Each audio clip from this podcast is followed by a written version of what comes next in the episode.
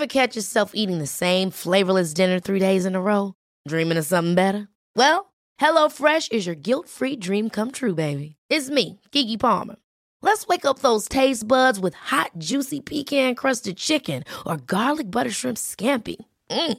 Hello Fresh. Stop dreaming of all the delicious possibilities and dig in at HelloFresh.com. Let's get this dinner party started.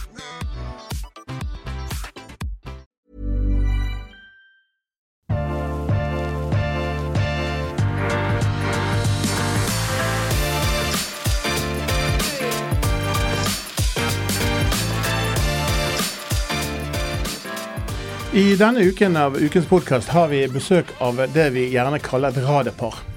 Og de fleste kjenner den mannlige delen av dette raderparet, men den kvinnelige delen er den som frister programleder mer. Ikke nødvendigvis av, um, av naturlige årsaker, men av alle de vakre bildene av mat som har fristet gjennom en hel pandemi, som har gjort et helt norsk folk supervin... Nei, matinteressert. Og kanskje etter denne episoden vininteressert. Men la oss først begynne med med Eivind Hellstrøm. Hvordan fant du frem til Anita og hennes bilder? Eh, ja, hvordan jeg fant henne, det, det er et bra spørsmål, fordi vi jobbet sammen i flere år. Og så fant vi veldig fort ut av at vi hadde utrolig mye bra felles og bra humor, og i det hele tatt så ble det en god stemning uansett hva vi holdt på med, og det var TV-produksjon. Men eh, etter hvert så ble, det, ble, jeg helt avhengig og, av både IT-kunnskapene hennes og uh, alt det hun kunne da, som jeg ikke kunne. Og, uh, og, og, jeg bare streker under en gang til at den der humoren som vi har hatt med oss hele tiden, uh, særlig fra hennes side, den har gitt meg så mye. Og, så jeg har jo på mange måter fått meg et nytt liv da, i forhold til alt det som jeg har vært igjennom med med restaurantdrift og i det hele tatt alle, eh, all motgang. Men det har også vært mye, mye, moro. Så når jeg møter Anita, så ser jeg at det her, her er det en uh, ny verden som er uh, utrolig spennende, og uh, sånn ble det bare. Så det er jo ja. Og i kjent stil så avslutter jo ikke Eivind en eneste samtale. Men Anita, hva er ditt tilsvar til denne, Eller? Du, det er jo det er veldig, veldig hyggelig. tusen takk. Jeg eh, husker jo første gangen du så på mine bilder. Da tror jeg vi var på noe TV-opptak på mm, Værøy utafor Lofoten. Og det litt sånn, var litt sånn forblåst, og det var vinter, og så sa jeg at uh, nå går jeg meg en tur. Og så kom jeg tilbake og viste fram hvilke bilder jeg hadde tatt. Og da ja. tror jeg du sa noe sånn uh, ja. Har du vært på en annen øy? ja, ja, ja. ja, ja. Nei, men det Ja, du kan godt si at vi oppdaget hverandre på Værøy. Vi var på med TV-produksjon og gjorde klippfisk og tørrfisk og ikke minst møtte fiskerne, da. Som, eh, som jo eh, Altså, fiskerne i Norge, eh, de eh, står jo for noe helt spesielt, og vi møtte dem, og eh, jeg Altså, Anita kommer og viser meg de bildene, og det er bare helt magiske greier. Så jeg tenkte, jeg tenkte ikke noe annet enn at er det én ting hun kan, så er det så er det å ta fantastiske bilder. Og det er store grunner til derfor jeg liker boken så veldig godt. Og det er først og fremst 120 fantastiske bilder i boken sant, av 160 oppskrifter. Det bærer mye av den kvaliteten som finnes i boken. Av det at det er ved synet du ofte blir sulten først. Mm. Men det er ved fagkunnskap, syns jeg, mm. at uh, du kan få frem uh, følelsene. Men du kan gjerne ta bilde av en hamburger, og det kan se godt ut, men det trenger ikke smake godt. Nei. Og det gjør denne boken kanskje til en av høstens store bestselgere. Vi håper det. Boken er nettopp kommet ut, rett fra trykkeriet. Eh, og eh, denne podkasten handler jo om vin, så vi skal jo ta det. Anita, du har vært helt åpen at du du liker karsk og kan ingenting om vin. sant? Men, jeg liker god vin og kjenner forskjell på bra og dårlig vin. ja, ja, ja, sant?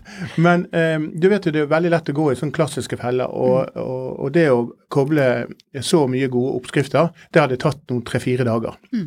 Eh, så vårt mål, eller mitt mål og årets mål i denne podkasten her, det er at vi skal få noen sånne innertiertips. Det vi kunne hatt det.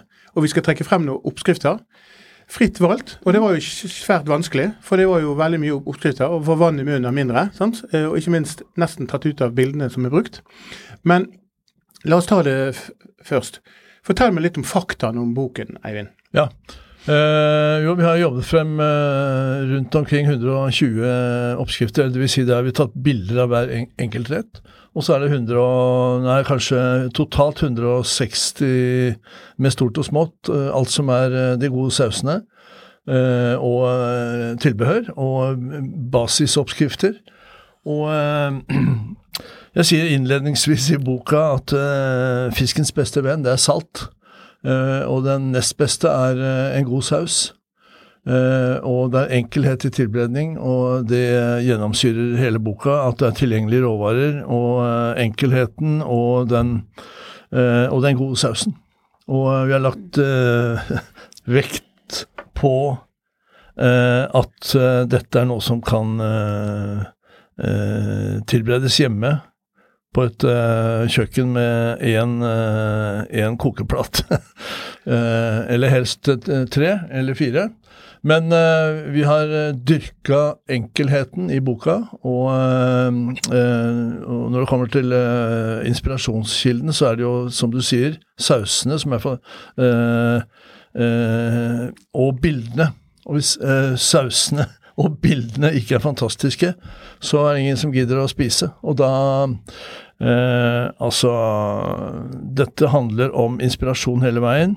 Og hvis vi kan klare å formidle litt av den kunnskapen som, eh, som eh, jeg har lært meg gjennom eh, et langt liv, gjennom de flotte bildene, så, så har vi kommet langt.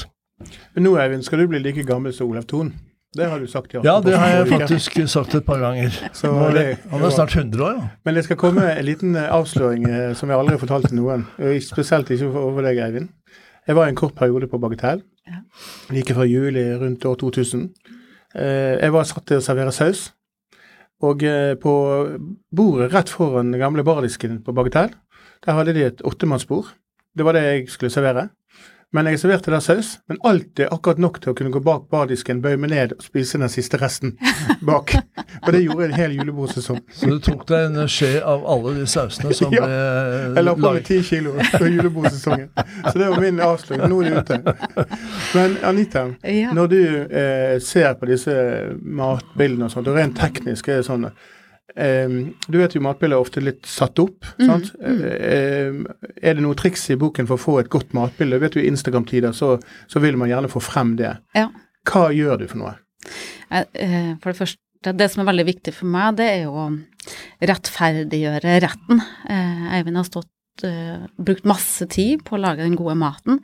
Og da prøver jeg underveis å finne ut altså hvor skal vi legge fokuset, hva er det viktig å få fram og formidle gjennom det bildet her.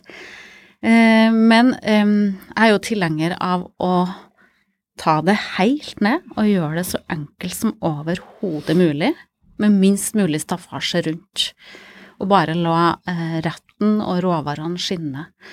Så er det jo vinkel og, og, og sånn, og lyset har mye å si, men eh, prøve å kjøre det så enkelt som overhodet mulig, sånn at det gjenspeiler både oppskriften og framgangsmåten også. For dere som da ikke eh, følger med på den Instagram-kontoen, som nå har hvor mange? 100 000? Snart 200 000. 200 000. eh, Ja. mm. Det er jo helt fantastisk. sant? Ja. Eh, anbefaler å gå og besøke Hellstrøms verden. Alfakrøll, Hellstrøms verden. Sant? Ja, Der ja. skjer det stadig noe nytt. Sant? Eh, veldig lite eh, bilder av Anita, men veldig mye bilder Ja, av vi skal- herren i huset. Bli trives best der. ka- bak man fordi at eh, du har fått deg en, eh, du har fått en kandidat eh, som formidler eh, det. Eh, og vi her i Finansvisen og Kapital, vi er jo blitt mye mer opptatt av eh, bilder, og bruker det både i Kapital, i ny utgave nå, og også internt på huset. Så det er bare ansatt både video og foto som det skal, skal løftes opp. Men det må jo ikke bli eh, eh, for mye eh, hva skal jeg si, falske bilder, hvis du skjønner. Det må være ekte bilder. og Da er det rett til å si at ta ned det. Ja, Men når du har holder på med denne boken her, eh, så, så er det en vell av informasjon. 160 oppskrifter, og du har Fodis som kommenterer på om det er feil i oppskriften og sånt. Og jeg husker jo fra eh, den gangen rundt 2000 da Bagatella kom ut, når bok var nytt. Mm. Altså det var når det var, Jeg husker ikke det var første eller andre utgave, det var en eller annen feil i en eller annen oppskrift. Og så var det en telefonstorm uten like til Bagatell, hvor Ja. man hadde en eget menneske som svarte Ja, det, ja, det, ja, det var uh, Hvem mye kan du ringe til i dag for å få svar på, på det? Må du sende en e- e-post, eller? Ja, nei, det var nesten før Det var ikke noe e-post da, så vi måtte jo ta opp på telefon, og det var jo ekstremt krevende. Og det er jo det som er eh, store djevelen i eh, bokproduksjon, er at eh, vi må luke bort så mye feil som er mulig. Og hvis vi klarer 99% riktig, så er det fantastisk. Men nå har vi lest korrektur eh, 100 ganger, ikke bare jeg, men to-tre i forlaget og Anita og alt. Så eh, uansett så den første dagen vi får boka fra trykkeriet, så er jeg helt sikker på at jeg finner en feil. Men så lenge den feilen ikke er inne i ingrediensene, sånn at det blir eh, eh, en, eh, at det blir 12 dl istedenfor en halv desiliter, sånn at ikke man ødelegger eh, selve fremgangsmåten, så er det ok, liksom. En liten skrivefeil, det aksepterer vi jo. Fordi uansett om du åpner VG, Dagbladet, Se og Hør eller eh, Aftenposten, så er det jo hundrevis av feil hele veien. Men nok om det. Altså, vi, eh, vi har holdt på døgnet rundt for å luke bort feil. Men når jeg sier døgnet rundt, så handler det også om at Eller tilbake til eh, Anitas eh, bilder. Fordi For henne er det ekstremt krevende, fordi det er ikke alltid jeg timer i forhold til hennes tid. Fordi jeg lager en rett, og den er, om den er ferdig klokka tolv på dagen eller klokka tolv på natta, så sier jeg ti minutter i forkant at nå er retten ferdig. Kan du sette på det Hun setter opp to lys, kunstlys, og så skal hun være i form og eh, ha nok energi til å ta det bildet. Og eh, eh, det er ikke alltid det har funka. Så boka er resultatet av kanskje dobbelt så mange, eller enda flere, hva skal jeg kalle det, utfoldelser fra min side. da. Så, men det som er i boka, det, det holder i massevis, så det, jeg tenker det er eh, et, eh, et eh, verk som er produsert eh, 24 timer i døgnet over det siste året, cirka. Det som jeg legger merke i boken, det er det at det er en bok som er tidsløs. Er det noe Jeg har sett det i en tidligere bok enn jeg har hatt. Altså, no, hvor mange bøker er det kommet ut nå fra Det, dere to? det her ble den tredje. Det er tredje boken, sant? Ja. Det er jo på en måte en svær tidsløse bøker. Ja. Altså Det er skrevet tidsløst. Det er ikke sånn at ok, nå går ikke nødvendigvis paprika ut av Men, men det, det er tidsløst skrevet. Er det gjort litt med vilje? At denne boken skal fungere om ti år? Ja. Ja. Helt klart. En, en bevisst tanke på at det skal være um, ja, Om det ikke varer evig, men ha et langt liv. Det er viktig. at boken blir tatt inn eh, i et hvelv utenfor Oslo og lagret for evigheten. Er det sant? Ja. Yes. Alle bøker som blir satt ut i Norge og tatt ut, eh, blir tatt i, eh, i, eh, i arkivet til staten. Så dette er for evigheten. Det må du være klar over. Det, det er stas. Vi har det her i Finansvisen og Kapital. har vi eh, Ja. eh, Kapital fra førsteutgaven i kjelleren her i et Yes. eh, bombesikkert rom, og det blir sendes jevnlig til, eh, til arkivet. Ja. Så det må du være klar over at den finnes et eller annet sted. Men tro meg, du trenger ikke bekymre deg over det. da. Men jeg har lest de første utgavene av Kapital og Finansvisen, og det er Alt har en utvikling eh, Ja. til dagens digitale verden. Men spørsmålet er ofte når eh, man går eh, inn i en bok som dette her, så er det brukt så mye tid og energi på, så er det veldig lett å si det at ok, denne boken her, den eh, har jo en viktig følgesvenn. Og som denne podkasten handler om, det er jo vin. Ikke sant? Mm, For det er en ja, ja. naturlig følgesvenn. Ikke nødvendigvis vin, men drikke til det. Sant? Det kan være alkoholfritt, det kan være øl, det kan være sider, det kan være vin. Men ehm, eh, vi har plukket frem to viner, eh, og i kjent eh, Hellstrøm eh, Rennende-stil så har vi plukket frem en Grand Cru eh, Chablis og en eh, svært god eh, Grand Cru eh, champagne. Men det kunne vært mange, mange Ja. typer vin Ja. eh, som er inne. For at jeg får inntrykk av at boken har et sånn spennvidde i smak. Og fortell meg litt om den. Eh, begge to gjerne litt. Eh, om spennvidden i intensitet i maten. Hvor går vi på det sterkeste? Hvor går vi på det, på det sareste? Ja. Eh, jeg tenker at, som jeg sier, sausen er viktig her. Eh, hvis du skal starte med én rett som eh, heter laks- og gressløksaus, så er det etter inspirasjon fra den verdens mest kopierte rett, som heter escalope de saumon à l'oseille. Vil si altså en lakseeskalopp hentet ut fra ideen fra brødrene Troagro langt nede i Rouen, en time ut fra Lyon, som ble berømte. Eh, selvfølgelig gjennom at de fikk tre stjerner på restauranten, men at de lagde en, eh, en helt ny måte å tilberede laks på, som, som uh, rett og slett en, en centimeter tynn uh, lakseskive skåret ut av fileten og stekt på én side veldig kjapt på 30 sekunder. Og så lagde de en uh, saus på, uh, på uh, finhakka sjalottløk, uh, tørr hvitvin, gjerne sancerre, fordi det er i det samme distrikt og området som de driv, drev restauranten. og på med crème fraîche som eh, Altså, den franske crème freshen, den smelter i panna. Det gjør ikke den norske, for den, eh, den, den koagulerer. Bortsett fra den rørosrømmen som vi mm. kan eh, nevne i denne sammenheng, for det er to forskjellige kvaliteter. da. Så smelter vi den crème freshen. Og, og ideen med denne laksen fra Troagro var at man i hagen deres hjemme så var det så mye syreblader og, det ble sett på som ugress. Så begynte de å plukke syregrader, og så hadde de sy syre, syrebladene oppi sausen, sånn at syrebladene bare smelter, tilfører masse syre til sausen. Og så legger de sausen i bunnen, og så legger de lakseskiva på, og det var det. Men eh, ettersom eh, syreblader, da, om det er engsyre eller dyrka syre eller hva som helst, ikke er tilgjengelig hele året, så har vi erstatta den syren med eh, gressløk. Og den oppskriften, det er det vi kaller for eh, laks eh, med gressløksaus. Ok, vi har lagt på en asparges og alt det, men det er samme prinsippet som Troagro lagde for eh, 60 år siden. Og eh, retten er eh, utrolig lett å lage. Og når du nevner eh, eh, Eller nå har vi faktisk et glass med chablis. Ja, vi, vi, vi har et glass med chablis, chablis foran i, i oss her. Og, um, og, det for meg er en uh, uh, innertier, for den har såpass mye mineralitet og såpass mye syre at den står seg veldig veldig godt til den type saus. da. Men Hvis du smaker, Eivind og Anita, du må, du må drikke du òg. Vi er en podkast der vi drikker. Vi smaker. Um, hvis vi smaker på denne uh, chablisen her, burde man ha en det er en Grand Cry, sånn konstruert mineralsk. Mm. Men bør man ha en, en, en, en like skarp syrlighet i sausen som i vinen? Altså, det er jo ganske heavy her, sånn, men du har jo eh, Ja, eh, men jeg vil si eh, eh, Chablisen her, som vi har, som er en Premier Cry, nei, Grand Cry, Grand Cru. Vaudessir, ja. Mm. Fra en som heter Roland Laventureux, som er relativt uh, ukjent det, hos det norske folk, så vidt jeg kan bedømme. Og den har jo Den har mye syre, mm. og trenger å åpne seg litt. Ja.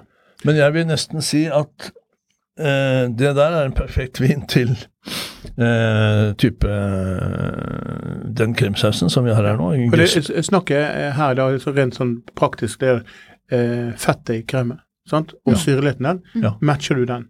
Og da er det bare lite råd, da, eh, både ja, fra programleder og helt sikkert fra paras, radioparet, det er at man må jo drikke vin når man lager mat. Mm. Sant? Og det håper jeg dere har gjort. Selv om klokken er blitt tolv, og du står der slåbroken og tar bilde av maten. og så eh, Det er jo en naturlig del av det. Ja, ja. Eh, og da er det ofte vi får, og, og, vi får spørsmål når vi da anbefaler retter til retter. Så vi hadde, vi hadde en utmerket reportasje for noen år siden Mm. Der eh, vinkelneren på Gamle Bagatell eh, ga anbefalinger til viner, og vi fikk masse god respons for den. Eh, og da får man det inntrykket det at folk de, de setter automatisk vin til, mm. til rettene. Klassiske, selvfølgelig. Ja, ja. Um, og innledningsvis snakker vi om at det må jo selvfølgelig være eh, ikke nødvendig klassiske chablis og champagne, men du nevnte en produsent eh, før vi gikk i studio, mm. Ostertag. Ja. Eh, Osterdag hadde jeg for første gang møtte eh, på en middag eh, og, der vi hadde Munchberg mm. 93 eh, på Bagatell. Ja. Vi kunne drikke så mye vi ville. Ja. Og det er ikke mulig i dag. Nei.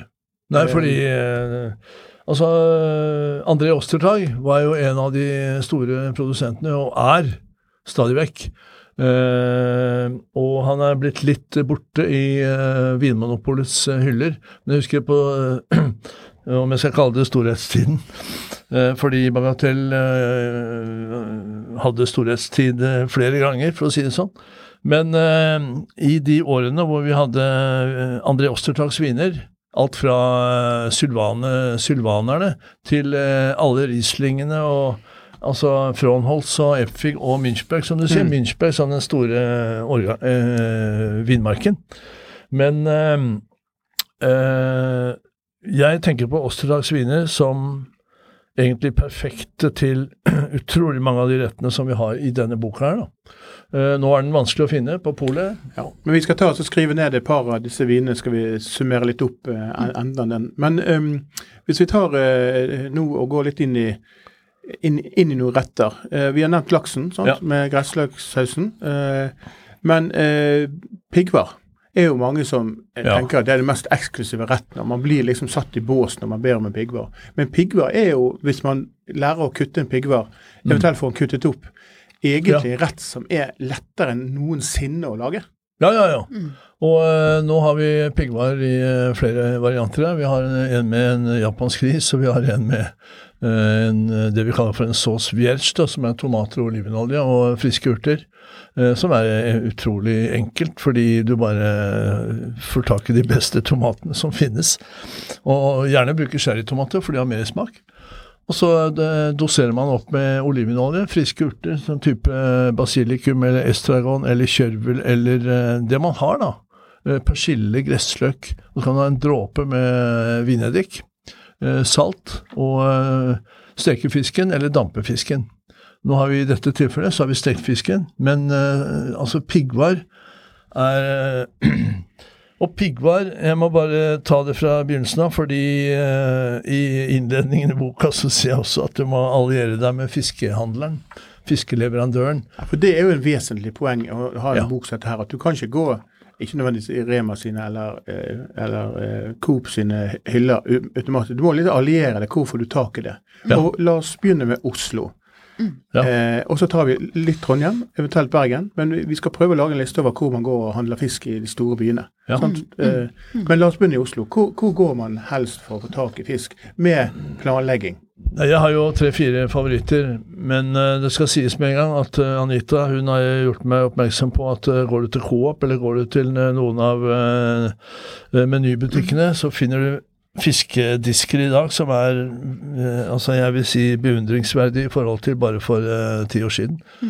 Eh, fordi det er en inspirasjon her, og det er på, på leverandørsiden så har de jo forstått at uh, vi må inn med mer fisk og fersk fisk, og det er nummer én av alt.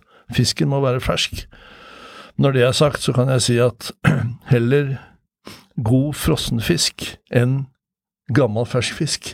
Der fikk jo vi da et godt sitat rett inn i, inn i studio. sant? Eh, Men jeg styrer jo etter fersk fisk, og Ja. da går jeg til eh, Men hva er ferskfisk, da?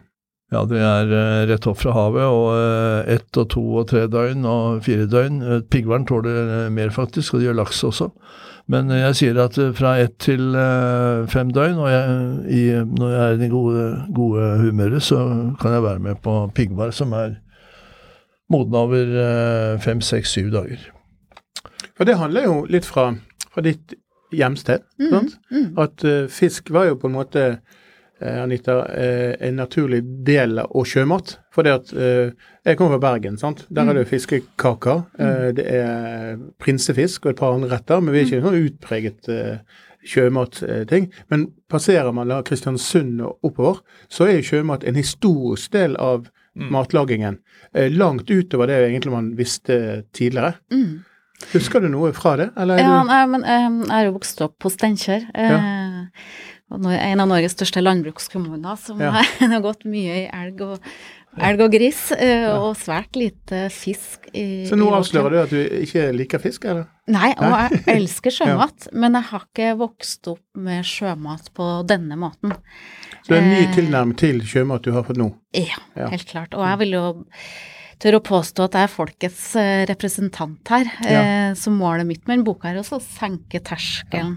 For det Helt blir ofte litt sånn her eh, Sånn som vi vet i dag, så er Trondheim midt i det gourmet-himmel, med utmerkelser og kokker og Britannia som leder an, og alle restaurantene der oppe. sant, og man, gleder seg til å reise til Trondheimsdistriktet. sant, Mm. eh, Og så har man hatt Stavanger en periode, sant, så Vi hadde for noen uker siden besøk av Kristoffer Aga fra Reno. Ja. Eh, og en utmerket eh, restauratør og familie som driver.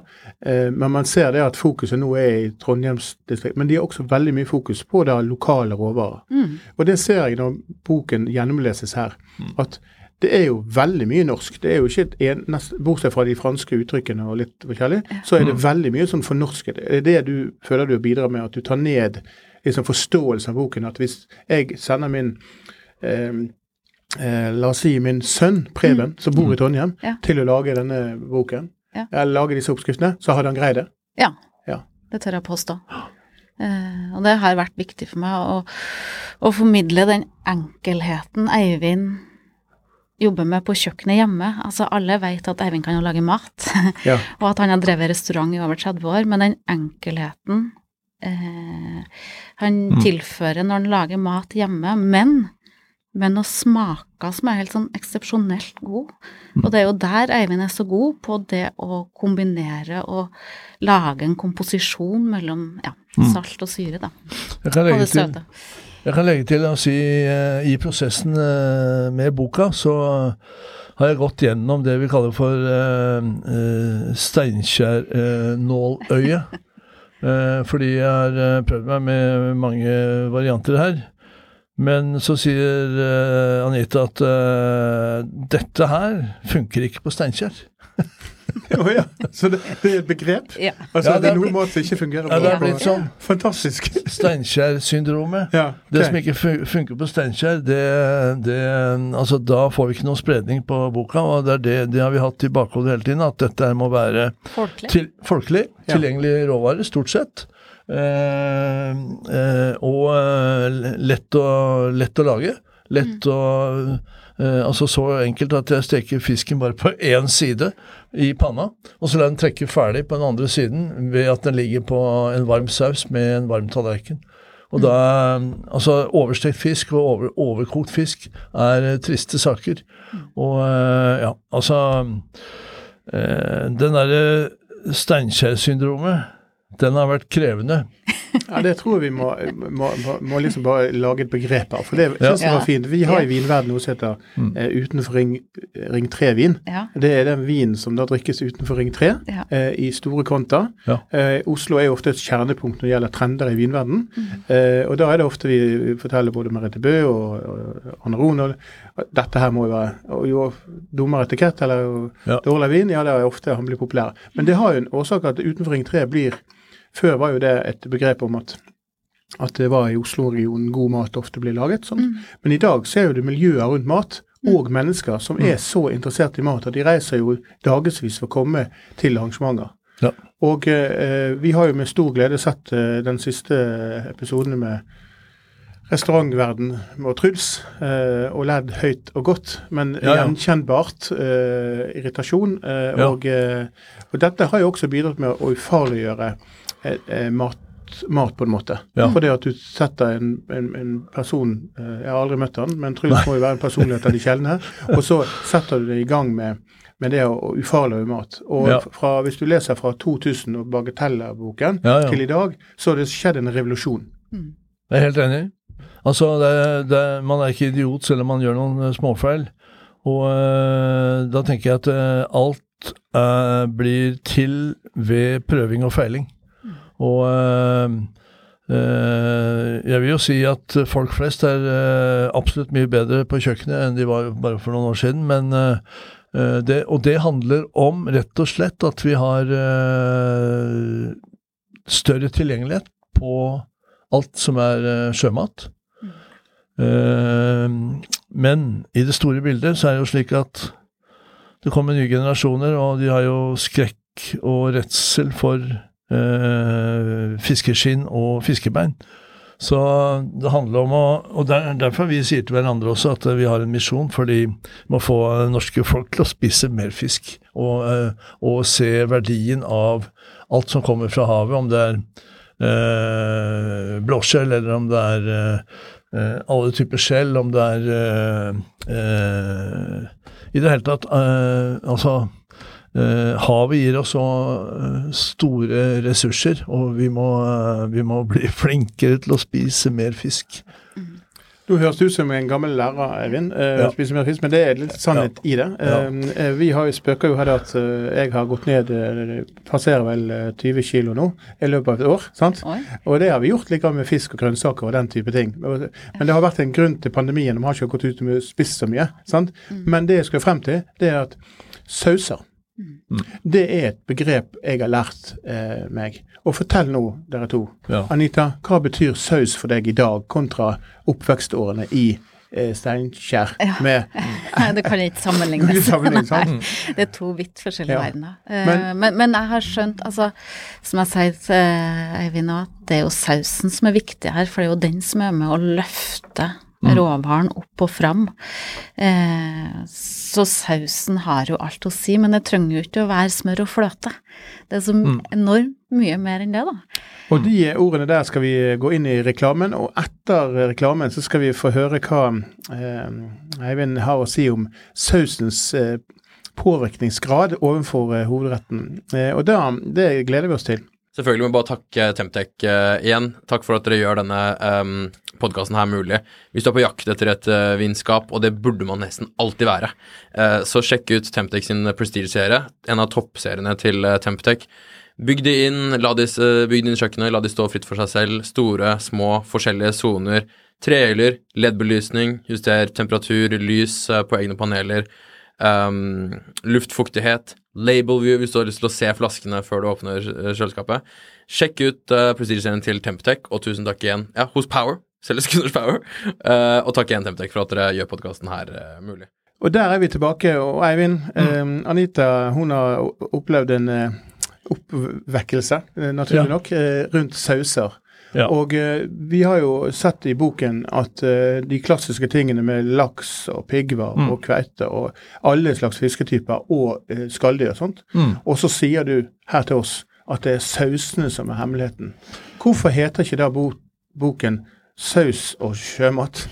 Jo, det kan du si, men eh, det handler om eh, den, eh, altså fisken og til, til, tilgangen og ferskhet, først og fremst. Og så handler det om saltet.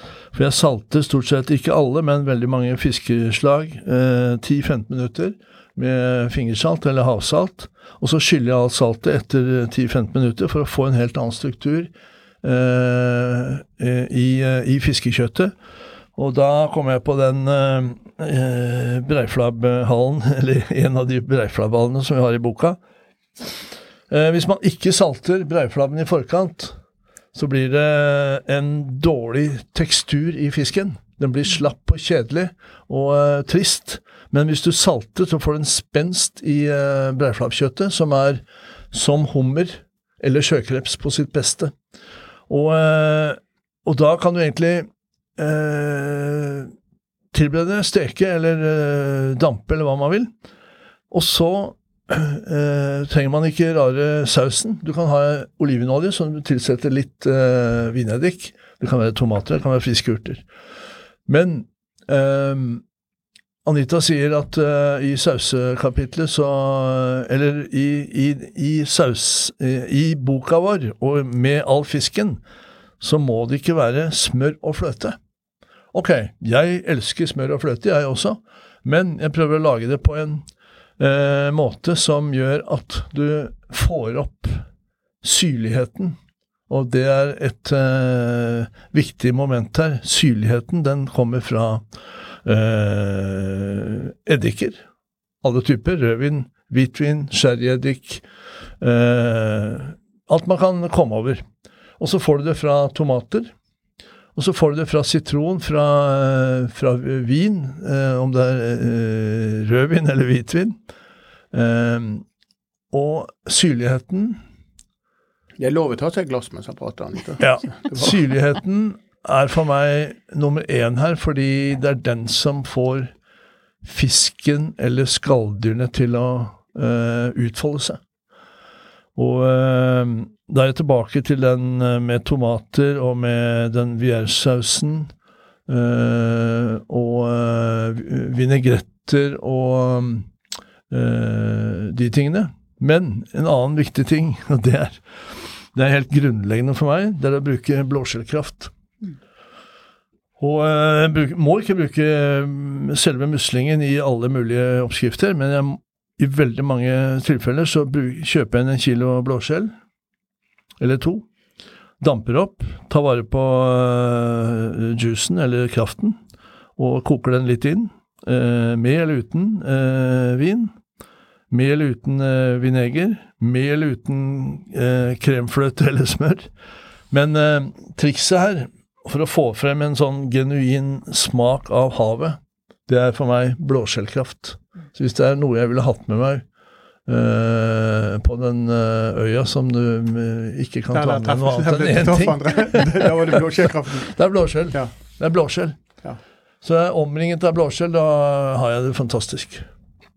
Da har vi lært hva Eivind ønsker seg til jul. Og hva ønsker du deg til jul, Anita? Oi, det kom brått på. God vin, tror jeg. God vin, ja, ok. Men da vet vi det, Eivind, at vi, vi, må sørge for det kommer noen magnumflasker med vin. Men eh, i vins verden, når du eh, sitter og velger å eh, finne rettene, har du noen gang eh, tanke på, å, på hva for vin som kan passe ganske tidlig i prosessen?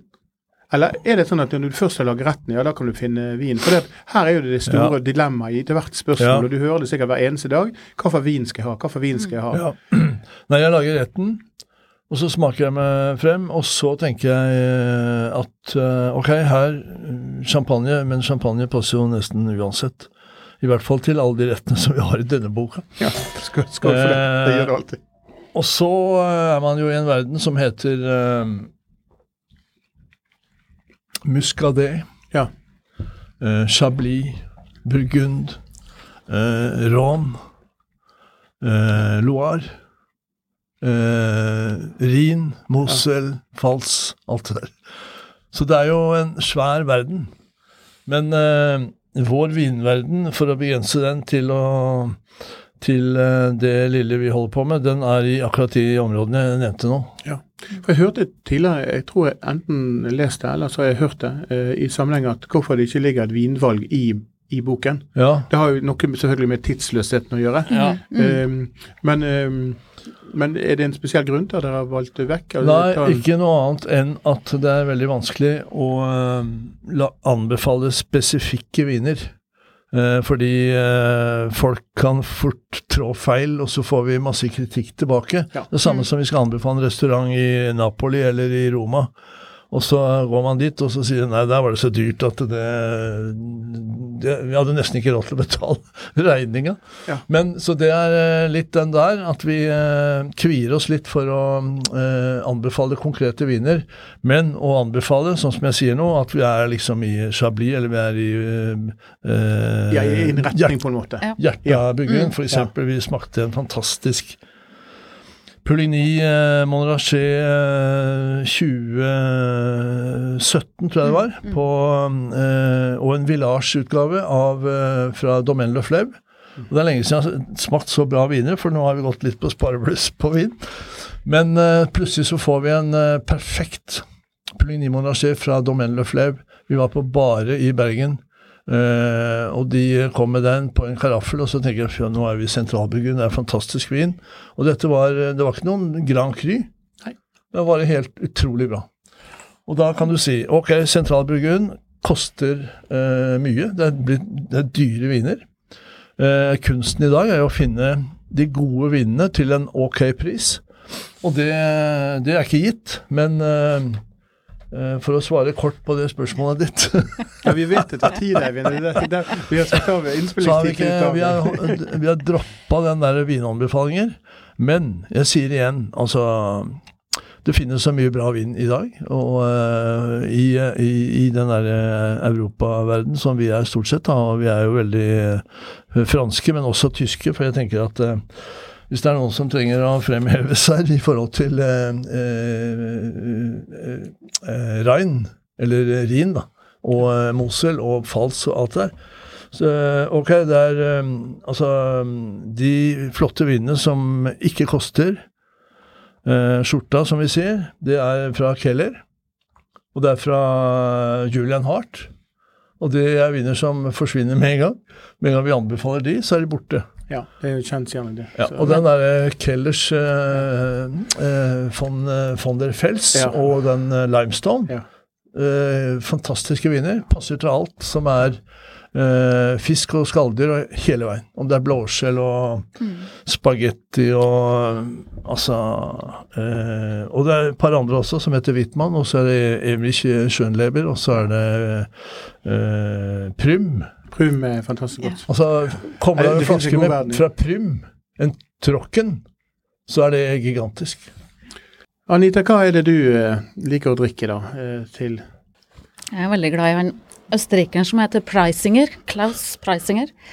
Både mm, de røde, altså de, den Pusta Libre, som er jo nesten som saft. Det er litt sånn leskende, fruktdrevet, Ja. god syrlighet. og sånt, Ja, Og vi kommer jo hele tiden tilbake til dette med syrlighet. Mm. Og eh, det er jo en ting som, eh, i hvert fall når jeg har lært meg gjennom mange, mange, mange år med vin og mat, det er det at det er hovedpunktet både når det gjelder å lage mat, det gjelder å bygge opp riktig syre og hvilken type syre du har, Mm. men også vite for type syre som finnes i vin, og hvordan de reagerer mot det. Mm. Eh, og eh, det er jo sånn dessverre det at mange retter ute blant restauranter blir ødelagt av dårlige vinvalg. Det at, la oss si det at man tar en laks, og så vil man på en eller annen merkelig måte ha en avkjølt Amarone til. Og da har man ødelagt et måltid. Ja. Eh, men du kan også si det at eh, folk kan bli gode i dårlig smak. Mm. Sånn at man, man kan spise en Grandiosa og synes det er en god pizza eh, gjennom et helt liv. Eh, og det er jo en, en ting som er ofte Det er ofte som er bra, men, Mm. men syrligheten er vesentlige. Og, eh, og da kan jeg avsløre her disse ti årene som har gått eh, fra eh, tolv årene som har gått fra 2000-tallet, der nordmenn kjøpte rundt 9 millioner kroner i viner over 300-400 kroner, så er vi oppe i nå i 888 Ja, ja. millioner kroner. Oi. Så den verden som dere har vært med på å skape, rundt det å skape interesse for mat, som igjen Mm. da kommer til mat, og Mm. folk får anledning til å gjøre det, den er da viktig at denne boken her, sånn som jeg leser den her i dag, så er ikke det bok for, for Falling Feathers eller den billigste vinen på polet. Det er en bok som, ja, det er for hverdagene, det er for festen, det er, men det er også til de gode anledningene der du trekker frem en vinflaske som er like dyr som maten. Og det er vel et kjennspunkt. Vet dere hvor mye det koster å lage hver eneste rett? Har dere det i regnskapet? Rettene. Ja, altså, har dere brukt et par hundre tusen på å kjøpe inn mat? Ja, det tror jeg absolutt. Det er jo ikke Altså, uten at vi eh, har gjort noe poeng ut av eh, dyre råvarer, for det har vi absolutt ikke. Men det er klart, det har vi med en hummerrett, eller har vi med en uh, sjøkreps uh, grilla, som for øvrig er en av de uh, mine favoritter i denne boka, for den er superenkel, men du må bare ha den der riktige kombinasjonen av ingefær, chili, uh, løk, altså kinesernes eh, Den derre treenigheten. Mm. Uh, så vi bare smører det smøret på sjøkrepsen inn i ovnen i tre minutter, og så er det fantastisk rett. Og det er altså Skalldyr i Norge koster penger, men uh, vi er jo også på uh, seifilet og eh, hvitting og blåskjell og eh, lange og eh, i det hele tatt altså, fiskesorter. Rimelig, og det kommer ja. frem til poenget mitt, egentlig. For det er det jeg vil frem til. det er at eh, Når jeg først hørte om denne boken her, som var i fjor en gang, Ja, ja, ja. sammen, eh, så uh, tenker jeg da kommer det en uh, 700 kroners bok. Mm. Men det gjør ikke han. Hvorfor har dere valgt å, å ha prisen såpass rimelig i et, et marked som er liksom tørstet etter den type kunnskap? Og nå kommer jo det da Vi har Ole Martin Alsen har kommet med bok, eh, Merete Bø i Dagens Næringsliv kommer med mm. ost og vin-bok, sant? dere kommer med denne boken. Så det er jo utvilsom interesse for det. Ja. Hvorfor er dette sånn rimelig bok? Jo, for at eh, jeg vil at det skal være tilgjengelig for folket. Altså folk flest skal føle at de skal ha, få tilgangen på Eivind sine oppskrifter. Eh, og ikke minst inspirere og motivere flere til å spise fisk. Og da tror jeg kanskje det å At det er innenfor et prissjikte som også folk føler at de har råd til å kjøpe, er en viktig, viktig faktor her, da. Så det blir ikke Jeg husker eh, Bagatella-boken i sin tid kostet eh, eh, et eller annet Ja, jeg husker ikke. dyr men det var en eh, stor bok. Flott. Ja, det var eh, 20 år siden. Ja, sant? Og da var jo det en, men da var jo også en bok noe helt annet enn i dag. Det, det må vært lett tilgjengelig. Eh, tenker dere noen gang på å utvikle den bokserien til å bli også digitalt? Slik at man kan bruke at om, Boken er jo et printmedium. Du sant? får spørre, spørre Anita, for det er hun som er IT-sjefen i eh, dette. Ja, det. Jeg må bare informere alle lytterne her at jeg har da Anita og Eivind for meg. Og um, Eivind sitter i 2022 med en filofax foran seg. Eh, med fullskrevet med, med notatting og sånn. Og, det er- Vi skal må be tekniker her eh, ta bilde av den, eh, for det er en legendarisk gammel og velbrukt filofax. Mm. Eh, men igjen der det virker som han har full kontroll, men Anita hun har, sitter bare her med velstelte negler og har full kontroll på han. Så da kan vi fortsette med det. Med det. Men når det er sagt, så kan jeg eh, fortelle at eh, den filofaxen som jeg bruker, som jeg er helt avhengig av, den eh, ligger oppslått uh, på bordet vårt hjemme, og selv Anita begynte å gå inn og bruke den. okay. Hun skriver inn noen avtaler. Ja. Ok, det er kanskje for å fortelle meg at vi har en avtale, men uh, uansett. Eh, jeg er enig bare for å ta tak i den der, du sier at dette er egentlig en 700 kroners bok, og det er jeg helt enig i. Den kunne ha kostet det dobbelte av hva den koster. Men eh, som Anita sier, så vi vil jo nå ut til flest mulig, og eh, det handler om misjonering og at få folk til å spise mer fisk. Og med de ordene så tror jeg vi skal ta Vi kunne sitte og snakket hvert eneste oppskrift. Men det vi skal i hvert fall gjøre, og love Kapitals lesere, det er at før jul så skal vi bringe noen gode reportasjer fra eh, noe mer vinvalg, noen utvalgte oppskrifter, og skal fortelle hvilken skatt av en bok dette er. Og eh, vi skal da nå helt avslutningsvis ta en liten skål i champagnemerket Billicar Salmon. Og gratulerer da radarparet med en velskrevet, godt laget, informativ, rimelig og forhåpentligvis en av bestselgerne til jul, kanskje. Kanskje som i fjor, kanskje som året før. Gratulerer med en ny bok. Tusen takk. Ja. Veldig takk for dere veldig hyggelig at vi kan være i studio og snakke så mye om denne boka. Skål. Og bonski.